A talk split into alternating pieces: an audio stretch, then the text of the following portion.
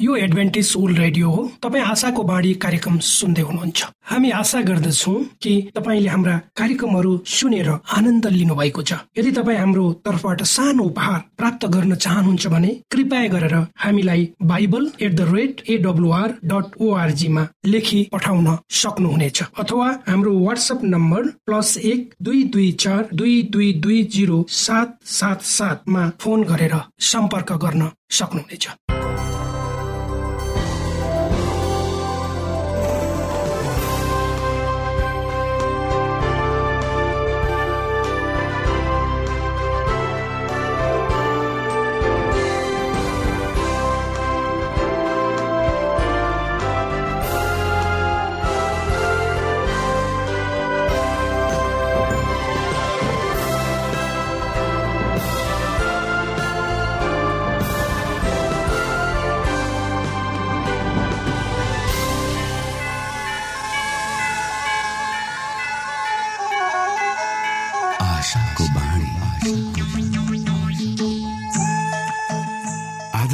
श्रोता नमस्कार।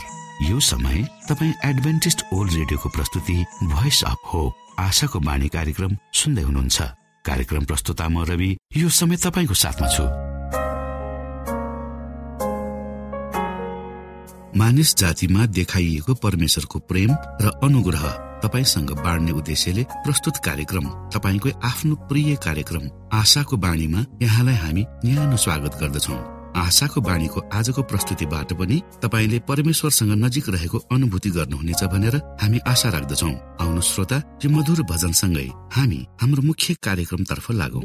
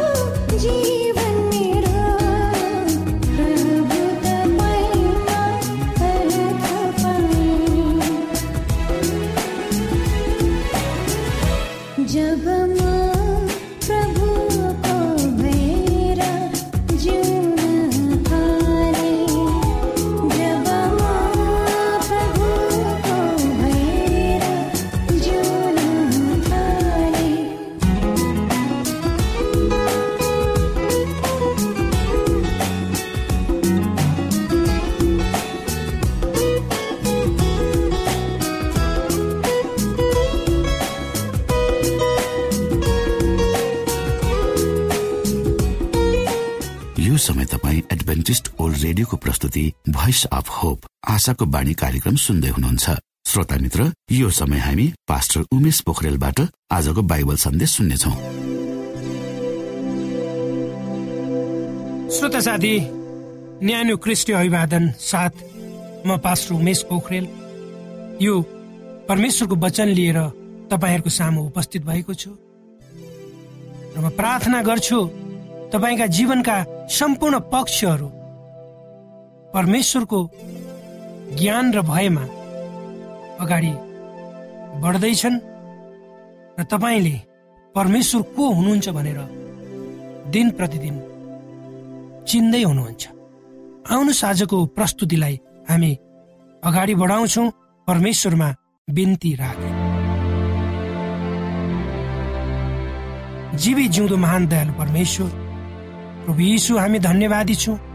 यो जीवन र जीवनमा दिनुभएका प्रशस्त आशिष प्रभु यो रेडियो कार्यक्रमलाई म तपाईँको हातमा राख्दछु। यो कार्यक्रमलाई तपाईँको राज्य र महिमाको प्रचारको खातिर संसारको कुना कुनामा पुर्याउनुहोस्। यो देशको कुना कुना पुर्याउनुहोस्। सबै बिन्ती प्रभु यीशुको नाम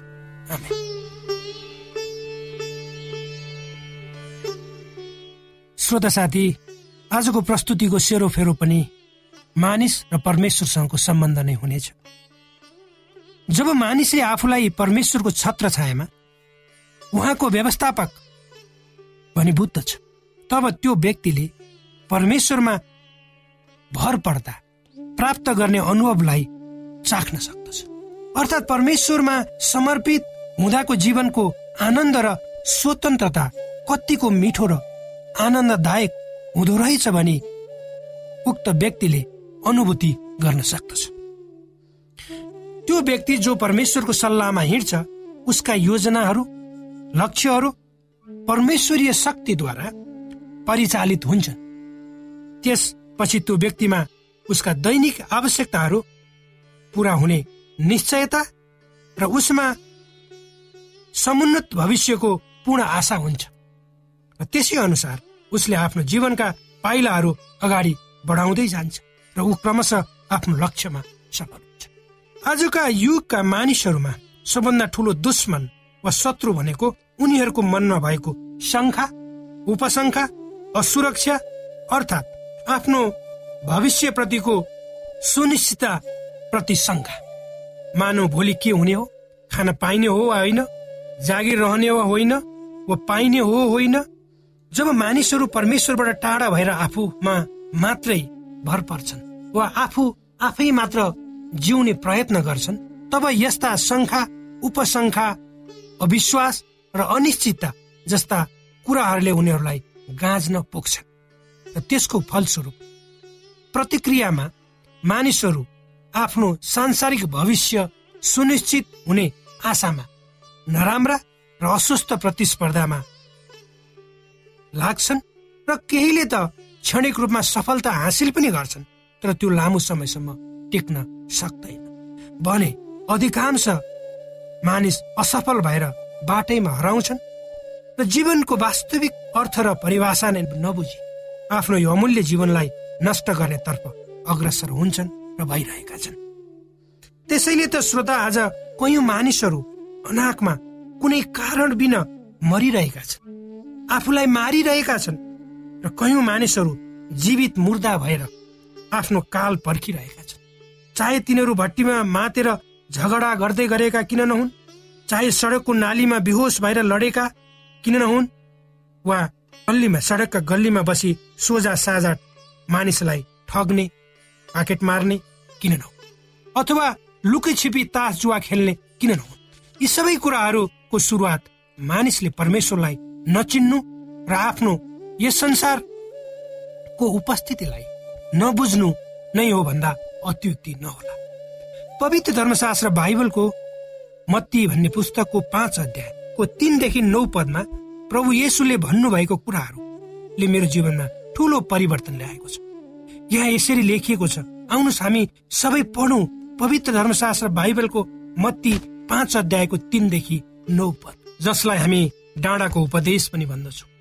प्रभु यीशुले यसरी भन्नुहुन्छ धन्य आत्मामा दिन हुनेहरू किनभने स्वर्गको राज्य तिनीहरूको। धन्य शोक गर्नेहरू किनभने तिनीहरूले सान्तोना पाउनेछ। धन्य नम्रहरू किनभने तिनीहरूले पृथ्वीको अधिकार पाउनेछ। धन्य धार्मिकताको निम्ति भोकाउने र तिर्खाउने। किनभने तिनीहरू तृप्त हुनेछन्। धन्य दयावन्तहरू किनभने तिनीहरूले दया पाउनेछ। धन्य शुद्ध हृदय हुनेहरू किनभने तिनीहरूले परमेश्वरलाई देख्नेछ।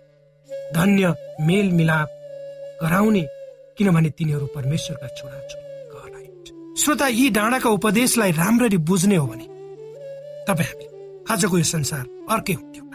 साँचो खुसी परमेश्वरको ज्ञानबाट मात्र प्राप्त हुन्छ। सांसारिक ज्ञानबाट होइन। र परमेश्वरले उहाँका जनहरूलाई चाहिने सबै कुरा पूरा गरिदिनुहुन्छ। चाहे जस्तो सुकै अवस्था किन नहोस् किनकि परमेश्वरले चराहरू फुलहरू घाँसपातहरूलाई पनि हेर्नुहुन्छ। भने त हामी त मानिस हौ। उहाँकै स्वरूपमा सृष्टि उहाँकै खातिर सृष्टि गरिएका उहाँका सृष्टिका सर्वोत्कृष्ट हामी सृष्टि हौ। त्यसकारण मानिसलाई परमेश्वरले कति धेरै ख्याल गर्नुहुन्छ। श्रोता एउटा कथा छ एउटा किसानको। उसले आफ्नो पुरानो बाइबल धेरै पल्ट पढिसकेपछि एउटा सत्य वा रहस्य उसले थाहा पायो।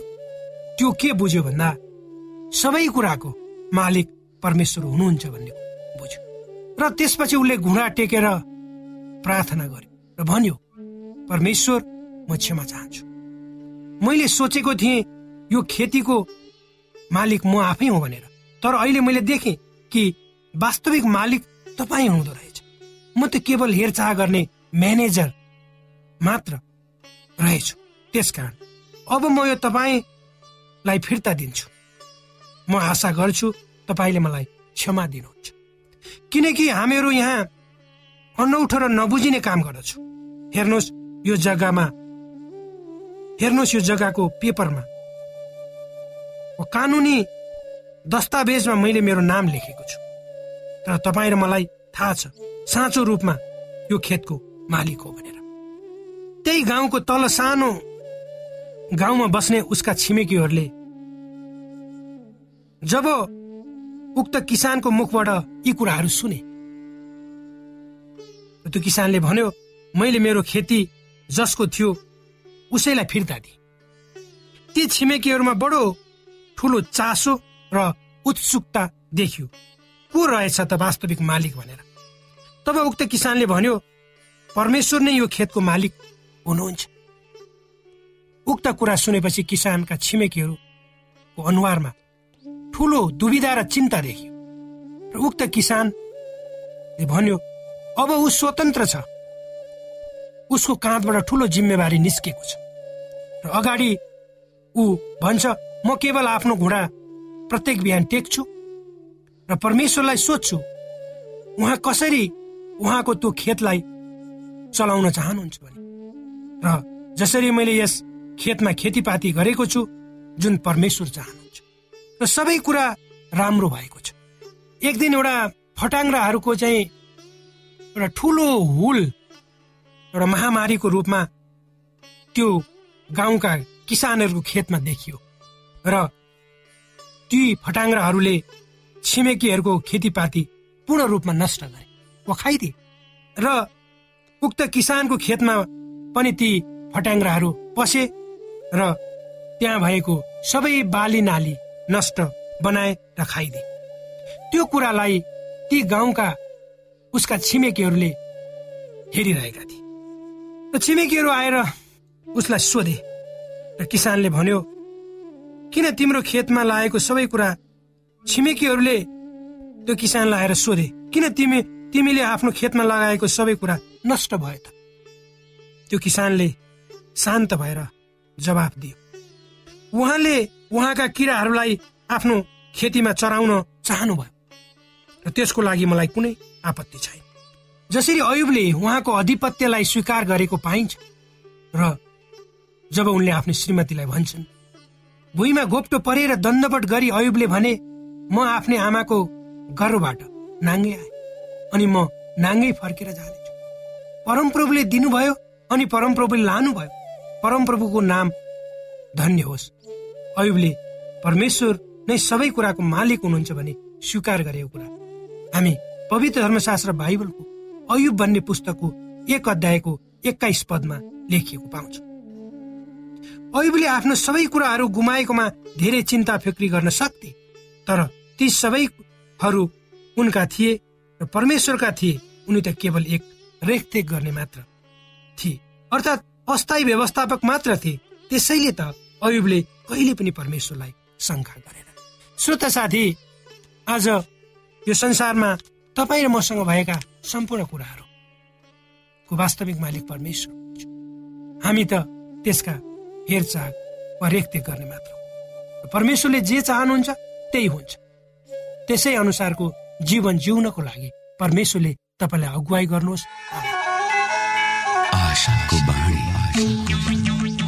श्रोता भर्खरै यहाँले पास्टर उमेश पोखरेलबाट बाइबल वचन सुन्नुभयो। यो समय तपाईँ एडभेन्टिस्ट ओल्ड रेडियोको प्रस्तुति भोइस अफ होप आशाको बाणी कार्यक्रम सुन्दै हुनुहुन्छ। कार्यक्रम सुनेर बस्नुहुने सबै श्रोतालाई हामी हाम्रो कार्यक्रममा स्वागत गर्न चाहन्छौ। श्रोता मित्र यदि तपाईँ जीवनदेखि हरेस खानु भएको छ तपाईँका जीवनमा धेरै अनुत्तरित प्रश्नहरू छन् भने आउनुहोस् हामी तपाईँलाई परमेश्वरको ज्योतिमा डोहोऱ्याउन चाहन्छौ। तपाईँ आफ्नो जीवनका चिन्ता फिक्रीबाट निश्चिन्त हुनुहोस् र बाँच्नुको आनन्द परमेश्वरको सामिप्यमा कति मिठो हुन्छ त्यो चाख्नुहोस् भनी हामी चाहन्छौँ। श्रोता यदि तपाईँ आशाको बाणी कार्यक्रमलाई अनलाइन सुन्न चाहनुहुन्छ वा डाउनलोड गर्न चाहनुहुन्छ भने ओआरजीमा जानुहोस्। त्यहाँ तपाईँले प्रत्येक दिनको कार्यक्रम सुन्न र डाउनलोड गर्न सक्नुहुनेछ। हाम्रो वेब पेज यस प्रकार छ। www.awr.org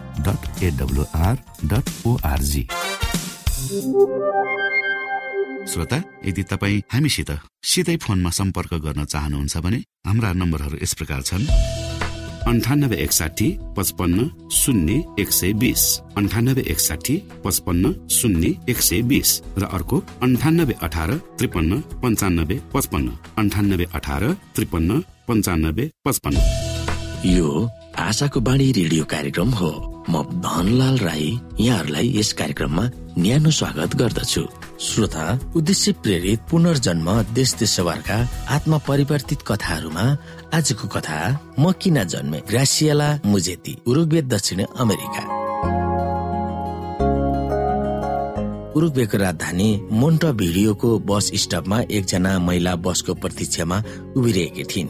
उनको झोलामा केही पैसाहरू विशेष कामको निम्ति राखिएको थियो तर एकछिनपछि उनी काम नथालिन्। उनी भित्र केही अदृश्य शक्तिले घचकचाइरहेको उनले अनुभव गरिन् उनी चढ्नुपर्ने बस त आयो तर त्यस बसमा उनी चढिनन्।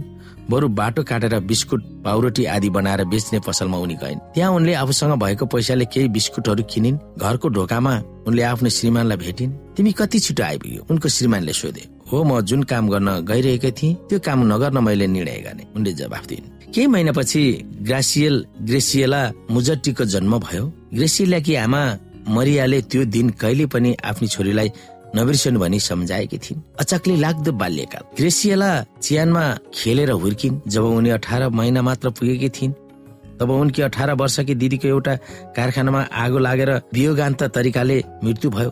त्यस आगोमा बिस जनाको ज्यान गएको थियो। प्रत्येक दिन ग्रेसियलाकी आमाले उनलाई चियानमा लग्दथे त्यहाँ आफ्नो जेठी छोरी गाडीको चियानको अगाडि बलिन्द्र आँसु बगाएर रुँदथे त्यस बेला मरेका मानिसहरू गाडिएर तिनीहरूको सम्झनामा नाउँ लेखेर गाडीको शिलाहरूको बीचमा ग्रासियाला खेल्दथे। त्यहाँ कति खाली च्यानहरू थिए। ग्रासियाले अरू च्यानमा राखेका फुलका गुच्छाहरू लिएर ती खाली च्यानहरूमा राख्दथे। घरमा कोही पाहुनाहरू आयो भने आमाले ग्रासियालाई चिनाउँदै भन्दथे परमेश्वरले मेरो एउटी छोरीलाई लानुभयो। र उनको सट्टामा मलाई यी छोरी दिनुभयो। अनि उनी बस स्टपमा भएको कथा भन्दथे। हल्का पाराले उनी भन्छन् ग्रसियला त जन्मनु नै परेको थिएन। उनको बोलीमा मुस्कुराउट थियो तर ग्रसियलाले आफू कुनै न कुनै रूपमा दोषी भएको र आफू सुरक्षित नभएको अनुभव गरेकी थिइन्। उनकी दिदी चाहिँ घरको बत्ती तर अरू तर आफूले चाहिँ त्यस्तो आदर पाएकी केटी जस्तो उनलाई लागेको थिएन।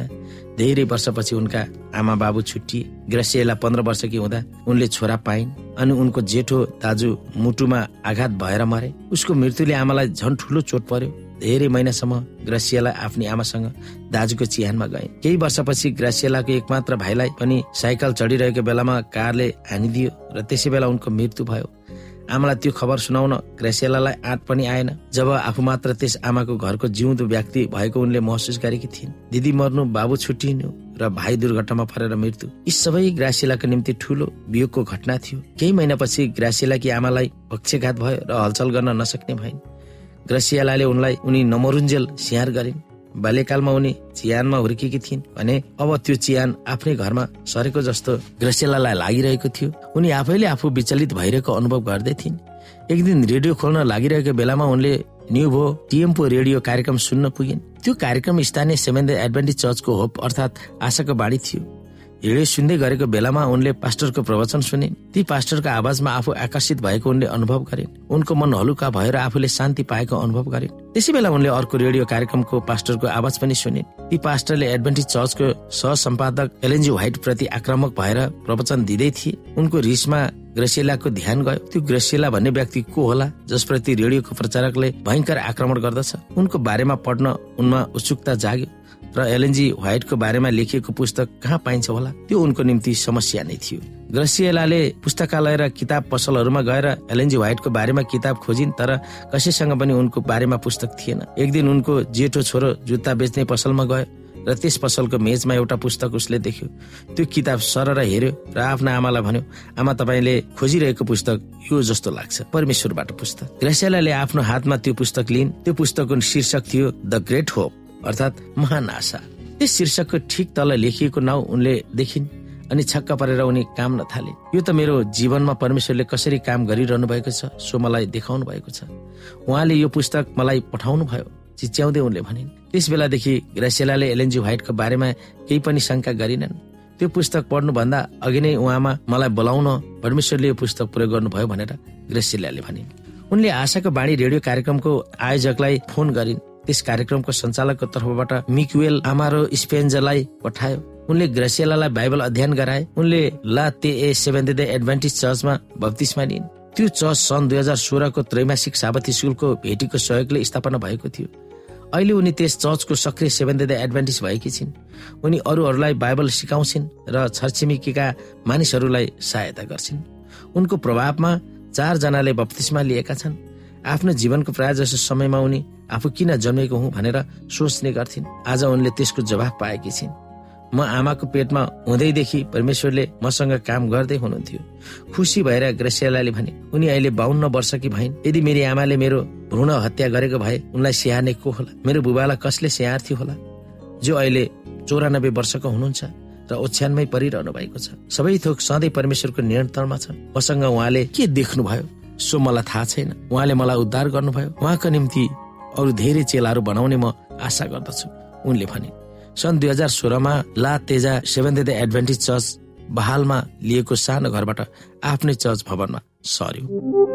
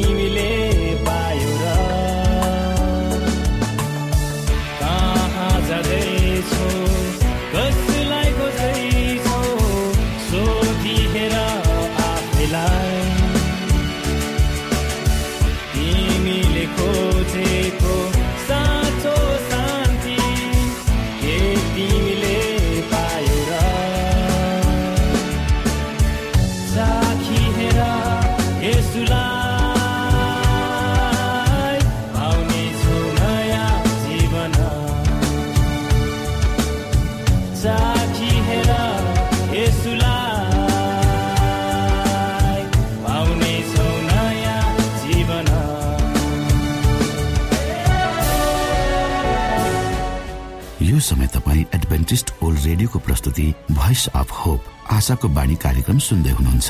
हाम्रो ठेगानाको बारेमा यहाँलाई जानकारी गरौं। आशाको बाणी पोस्ट बक्स नम्बर दुई शून्य शून्य शून्य दुई काठमाडौँ नेपाल।